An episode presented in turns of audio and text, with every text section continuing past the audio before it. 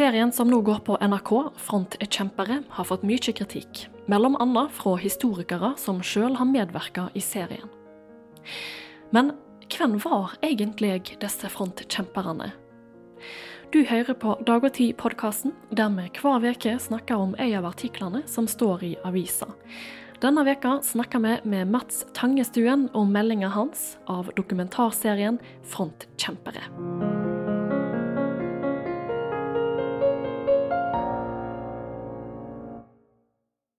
Innsikt blir ofra til fordel for dramatisering, skriver du Mats Tangestuen, historiker og faglig leder ved Jødisk museum i Oslo. Velkommen. Takk. Frontkjemperne de kjempa på tysk side under andre verdenskrigen. Og Mats, du er kritisk til mye med denne serien her. Mellom annet så er du kritisk til at flere av de historiske hendelsene er dramatiserte i serien med mye action. Men vil ikke da gjøre serien mer spennende, og derfor nå ut til et bredere publikum? Hva mener du er gale med en sånn dramatisering? Nei, altså Utvilsomt så blir den tilgjengelig for et uh, større publikum, det tror jeg helt sikkert. Uh, det jeg mener er problemet her først og fremst, er at det tar så utrolig mye plass. Det er så en stor del av disse fire timene da, som uh, de fire episodene spenner over. Så det er først og fremst plass, plassen, plass som kunne vært benyttet til mye annet. Men uh, det er jo kanskje også noen av uh, gjenskapningene altså som, som, er Det er først og fremst uh, slit ved fronten, og ikke minst disse to dagene i 44 hvor du har disse skijegerne som ble angrepet på de to høydene Kaprolat og Hasselmann. Og det er bare to dager i 1944 som blir gjenskapt, og som er en stor del av to av episodene. To av fire episoder. Det er snakk om 200 nordmenn da, som opplevde dette her. Så eh, det er vel mer en slags uh, kritikk av disponeringen av uh, gjenskapningene. Og hva de har valgt å legge vekt på. Jeg lurer på om du har noen tanker rundt måten historie blir formidla på til oss vanlige folk som ikke er historikere? Med tanke på denne dokumentarfilmen med all, med all denne eh, dramatiseringen og Nei, altså Du var jo inne på det helt i starten eh, når vi snakket sammen nå, at uh, dramatisering kanskje kan også virke liksom uh, også kan gjøre at nedslagsfeltet blir større. da, At flere, flere liksom setter seg ned og ser denne serien, enn at det bare blir en sånn uh, gamle menn og eksperter som prater. Så til en viss grad så er jeg jo enig i det, at, at man kan ta i bruk andre virkemidler. og det er ikke det jeg kritiserer serien for sånn sett, jeg kritiserer liksom for mengden av det og disponeringen av de ulike tingene. Så dramatiseringen tar altså litt for masse plass i denne dokumentaren. Men da lurer jeg på, hvem var egentlig disse frontkjemperne? Ja, jeg er ikke først og fremst ekspert på frontkjemperne. Eh, men jeg kan nok til å se at det er mye som ikke er tatt med. Og det er selvfølgelig ikke en ensarta gruppe, eh, rundt 4000 eh, som reiser ut. Mens andre som har forska på det her, viser jo at de hadde et Altså Nedslagsfeltet var stort sett innenfor Nasjonal Samling. Det var Nasjonal Samling som, eh, som drev vervekampanjene. og det var, eh, det var, ikke så mange utenfor Nasjonal Samling som, eh, som disse vervekampanjene appellerte til. Det var en liten periode hvor det gikk bredt ut, men først og fremst så rekrutterte de innad i partiet. Jeg tror helt sikkert at motivasjonen for å dra kan ha vært mange, og også for den enkelte så er det mange ting som spiller inn. Det som har blitt fremheva av veteranene sjøl i alle år, eller iallfall av toneangivende folk, eh, toneangivende veteraner, det er jo frykten for kommunismen. Og det er også det at veldig mange hadde en eh, svært ung alder. Så at du får på en måte en sånn dobbel forklaring med at de var de var redd for kommunismen. På den annen side så var de så unge at de på en måte ikke oppfatta alt som skjedde rundt seg. Eh, og Det er jo en generalisering jeg kommer med nå, selvfølgelig, men, men, det er stort sett sånn det har blitt forklart eh, etter krigen. Ser man på alder, som jeg for så vidt er litt inne på i denne meldinga, så var gjennomsnittsalderen på de første som melder seg, det er 25 år, og det er jo ikke så veldig lavt egentlig. Og så er det jo synker ned til en 22 år før det stiger igjen mot slutten av krigen. Men det er jo ikke alle da, som var 16-17, som veldig mange har i hvert fall fremholdt. Og det fins 16-åringer og det fins 17-åringer, det er helt sant. Eh, men det fins også betydelig eldre. Ser man på de som ligger igjen på disse høydene, Capulat og Hasselmann, disse tapslistene, så er det mange 30-åringer som ikke kom seg vekk derfra. Jeg tror nok det var mange forskjellige beveggrunner for at folk meldte seg, men i selve vervingsprosessen og i selve det, det som ble sendt ut fra partiet, så var også den der bolsjevismen og ikke minst jødebolsjevismen, det jødiske kampen mot den jødiske ånden, øh, var øh, veldig nærværende. Det, er, det, ville vært helt umulig å ikke fått det med seg, i hvert fall. Kan du si noe om hva disse frontkjemperne opplevde, og hva de gjorde når de kjempa på tysk side? Det som eh, forskere i det siste har eh, forsøkt å ta litt mer rede på, er jo hva de deltok i når det kom til på en måte overgrep på sivile, krigsforbrytelser. Og eh, det er ikke helt enkelt å liksom knytte det ned til enkeltmann. Da. De norske frontkjemperne var fordelt på Noen av dem var fordelt ganske tynt ut på ganske mange tyske avdelinger. Men det er først og fremst de 300 første som er med invasjonen i, eh, i Sovjetunionen, av Sovjetunionen og videre innover i Ukraina. Hvor man har de fleste beretningene fra som kan knytte seg til krigsforbrytelser. De var altså da en del av divisjon Viking og ulike regimenter under divisjon Viking som hadde ulike antall nordmenn i seg. Og Der har jeg selv funnet uh, eksempler, eller i hvert fall ett eksempel som jeg nevner i en melding av, om uh, en uh, ung mann fra Sandefjord som skal ha fortalt uh, til venner hjemme på perm at uh, når de kom til landsbyer hvor det fantes jøder, så ble disse skutt. Og I den perioden også så har du faktisk frontkjempere som skriver brev hjem. Da. Skriver til lesebrev til Månedsbladet Hirdmannen, til lokalpressa i Vestfold, om at de er med og skyter jøder.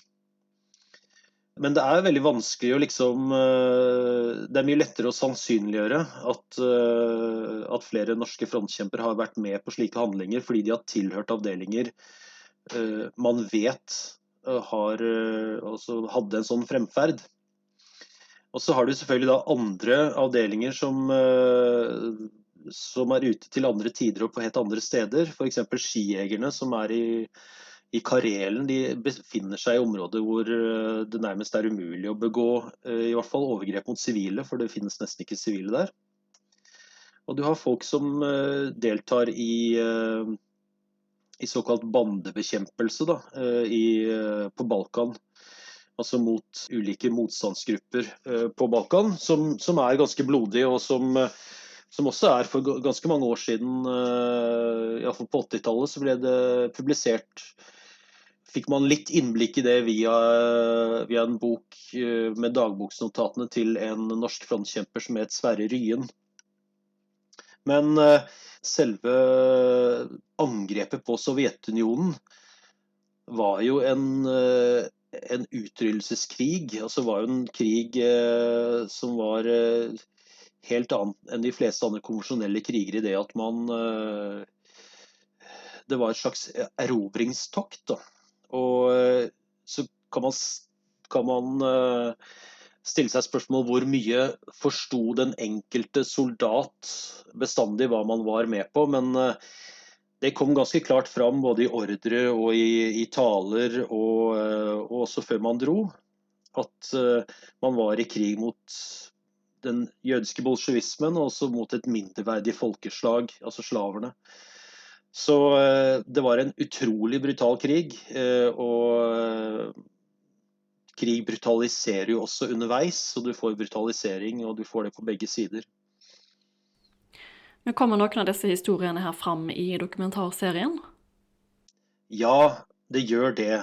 Og det kommer da først og fremst fram i, gjennom fortellingen til de få som blir intervjuet. Men også gjennom eh, de dramatiseringene som er laget. Men i de dramatiseringene så, så blir liksom eh, de norske litt mer sånn naive, blåøyde tilskuere, eller litt mer sånn passive deltakere. Og jeg har tenkt også etter at jeg skrev denne meldingen, at liksom, denne vekselvirkningen mellom at de forteller det, og at du også har det filmatisert, kan nok litt sånn underbevisst virke på folk som at du faktisk har to kilder på det. da. De ser det selv, ikke sant, hvordan dette her skjer, fordi det er filmet. Og i den, den gjenskapningen så fremstår disse frontkjemperne som, eh, som eh, ja, litt sjokkerte tilskuere til det som foregår rundt dem. Det jeg beit meg fast i når jeg leste meldinga di, var at du skriver at den største unnlatingssynda til serieskaperne, det er at det ikke finnes referanser til det flere frontkjempere vært innblanda i her i Norge. Hvorfor mener du at dette er så viktig å få med? Jo, øh, fordi det var mange frontkjempere som ble en viktig del av det repressive, altså av det apparatet som øh, man brukte for å opprettholde terroren i Norge. Da. Enten de ble, gikk inn i rekkene i statspolitiet, eller i det tyske sikkerhetspolitiet, som de fleste kjenner som Gestapo. Eller i andre avdelinger, altså i Hirden, Hirdens alarmenheter, Quislings førergarde. Dette var jo unge menn som hadde vært ved fronten, eh, og som, eh, hvis vi ser kynisk på det, hadde fått en eh, god militær utdannelse og hadde vært med på ting. Og så kommer de tilbake til Norge, og og så blir det også satt inn i f.eks. Jakt på, på, norske motstandsfolk. Da. Så Sånn sett så ble de ganske formidable motstandere som infiltratører.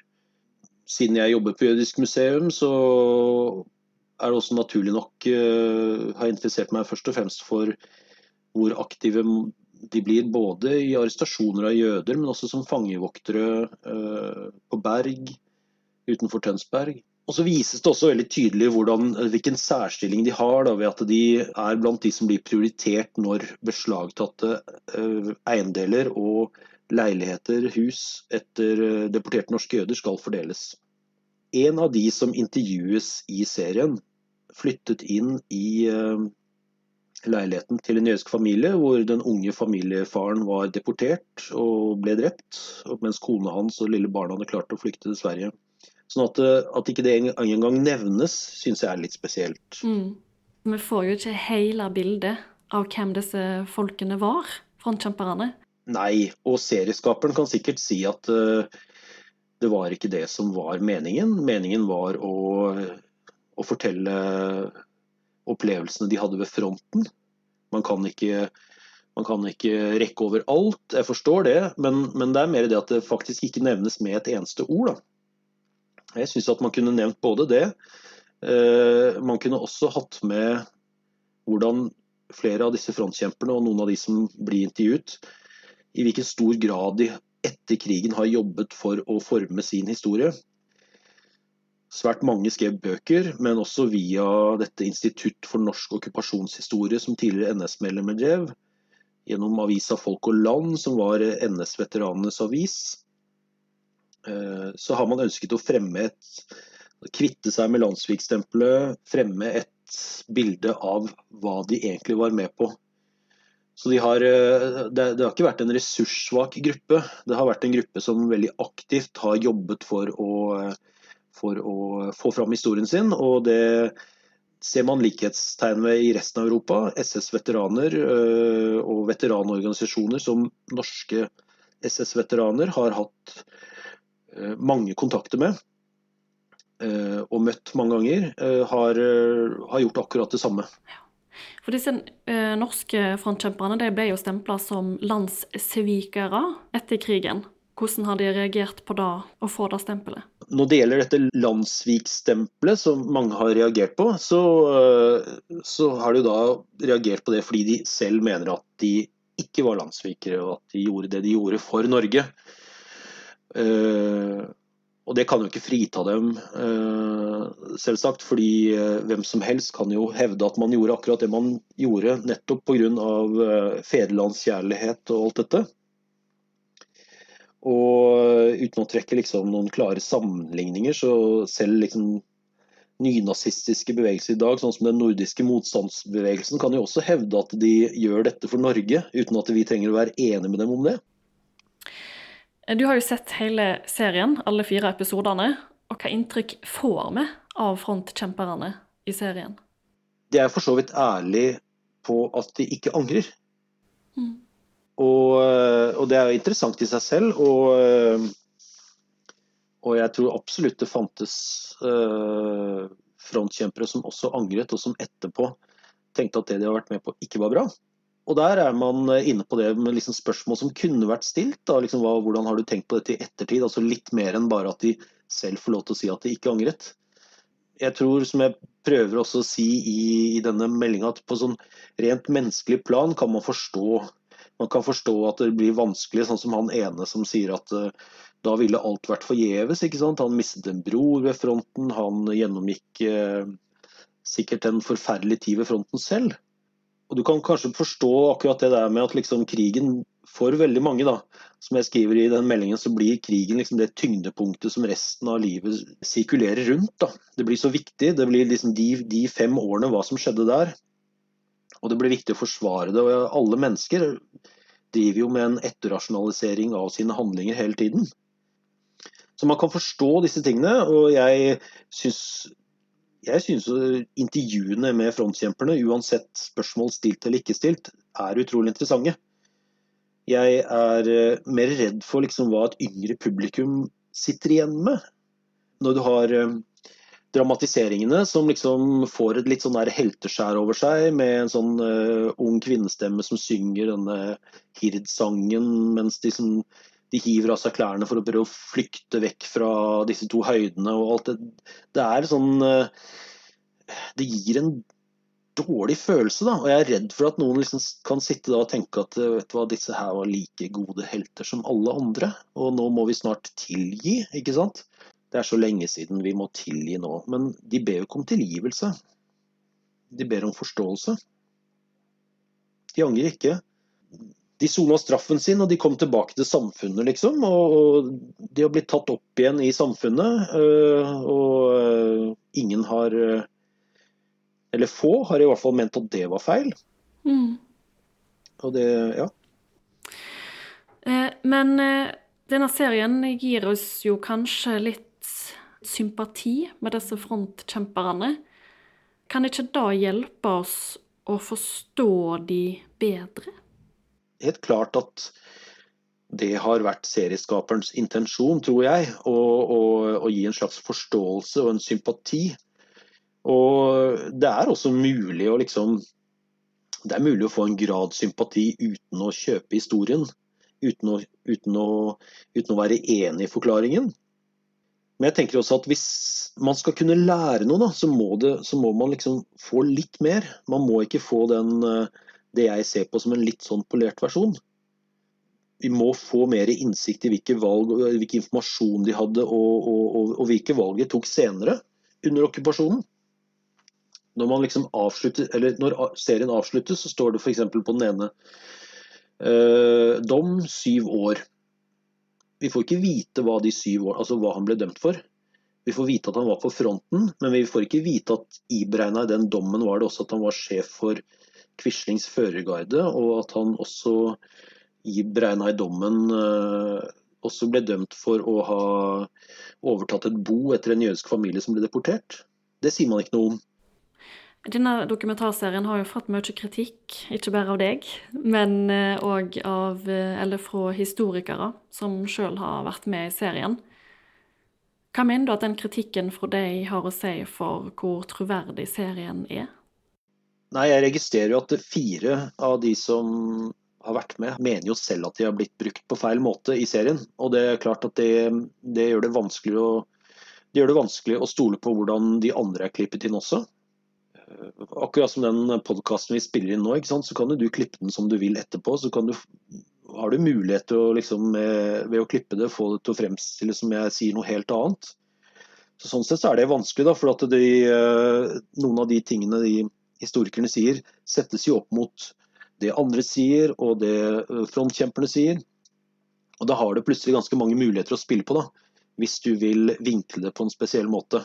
Og så har ikke jeg grunnlag til å si hvor mye som er gjort bevisst her, og hva som bare har blitt sånn. Men, men, men det, det, senker jo, det, senker jo, troverdigheten, synes jeg. Så det er, det er, veldig vanskelig å vite hvilken sammenheng og hvilke spørsmål de egentlig har svart på. Det har jeg sett en del av oss har reagert på at det, det hadde vært mye mer realt og enklere å forholde seg til hvis man f.eks. hørte spørsmålene frontkjemperne ble stilt. Så i verste fall så er de også klippet inn uh, på en måte som de egentlig ikke vil uh, fremstilles på. Uh, men det er bare så vidt jeg vet en av dem som fortsatt lever. Så de har vel ikke mulighet nå til å, til å se om dette stemmer eller ikke. Er dokumentaren verdt å se, mener du? Jeg syns den var verdt å se, fordi, fordi, jeg føler at jeg klarer å ha et kritisk blikk til det. Men jeg syns at hvis det har vært opp til meg, så, så, så bør den bli sendt inn igjen til omklipp. Fordi jeg tror, at de har, jeg tror at de har samlet inn nok materiale til å kunne lage en ganske god serie. Det er bare at eh, det har ikke blitt sånn. Og, og så er ikke jeg uh, dyktig nok til å vite hvordan det skulle bli gjort, kanskje. Men uh, en løsning ville være eventuelt å legge på enda en episode hvor du da faktisk får med front, hvor viktige enkelte frontkjempere ble i Eh, i Norge etter at de kom hjem, eh, altså under okkupasjonen. Jeg syns det ville vært interessant å fått med hvor aktive flere har vært i å forme sin historie etter krigen. For Jeg ser også nå så dukker opp et, et, litt sånn forslitt uttrykk som jeg begynner å bli litt lei av, men som gjerne dukker opp i sånne debatter. Ja, det er seierherrene skriver historien. Hvis du ser på frontkjempens historie, så er ikke det helt riktig, fordi de har virkelig skrevet den selv. og Det har kommet, det har kommet både fra altså, tidligere NS-medlemmer og også frontkjempere, så har det kommet ganske jevn strøm av bøker eh, etter krigen. Jeg skulle bare ønske at uh, ikke, ikke, heller at de, liksom, de, må, de må presse dem på kritiske spørsmål. Men det er egentlig fravær av kontekst, og eh, at de historikerne som er intervjuet i liten grad deres uttalelser blir i liten grad, kanskje bortsett fra i første episode, så blir det i liten grad brukt for å sette det frontkjemperne sier i kontekst. da. Eller for å konfrontere noen av de fortellingene frontkjemperne kommer med. Det virker som at de var inne på et spor i første episode, og så glapp det. Eh, og så Siste episode blir egentlig veldig rotete og eh, jeg syns bare den er dårlig redigert. da. NRK har lagt ut på nettsiden sin nå en sånn reklame for en av disse episodene. da. Divisjon Viking ser nazistenes grusomheter. Det er jo på en måte å trekke dette bystander-begrepet litt langt. da. Og det er litt sånn eh, det fremstilles i serien, at de norske frontkjempene de kommer dit, og så foregår det masse grusomheter. Og så, så det sånn, blir det litt sånn tilskuere til dette her. Bortsett fra noen unntak som de tar opp men, men, det å skrive at 'Divisjon Viking ser nazistenes grusomheter' Denne setningen innebefatter på en måte at uh, Divisjon Viking de er ikke nazistene. Uh, og, og, de er ikke deltakere, for de ser. Det er to, to ting i denne Divisjon Viking ser nazistenes grusomheter som er uh, veldig problematiske. Da. Og som kanskje er en glipp, men uansett som, som egentlig oppsummerer deler av den serien ganske godt. Mats Tangestuen, tusen takk for at du ville være med i podkasten i dag. Tusen takk.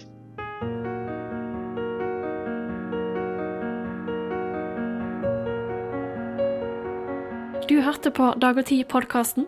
I studio i dag var jeg, Sofie Mai Rånes. Vi setter stor pris på tilbakemeldinger. Send gjerne en e-post til sofie1dagogti.no dersom du har ris eller ros. Vi er tilbake neste uke. Takk for at du lytta.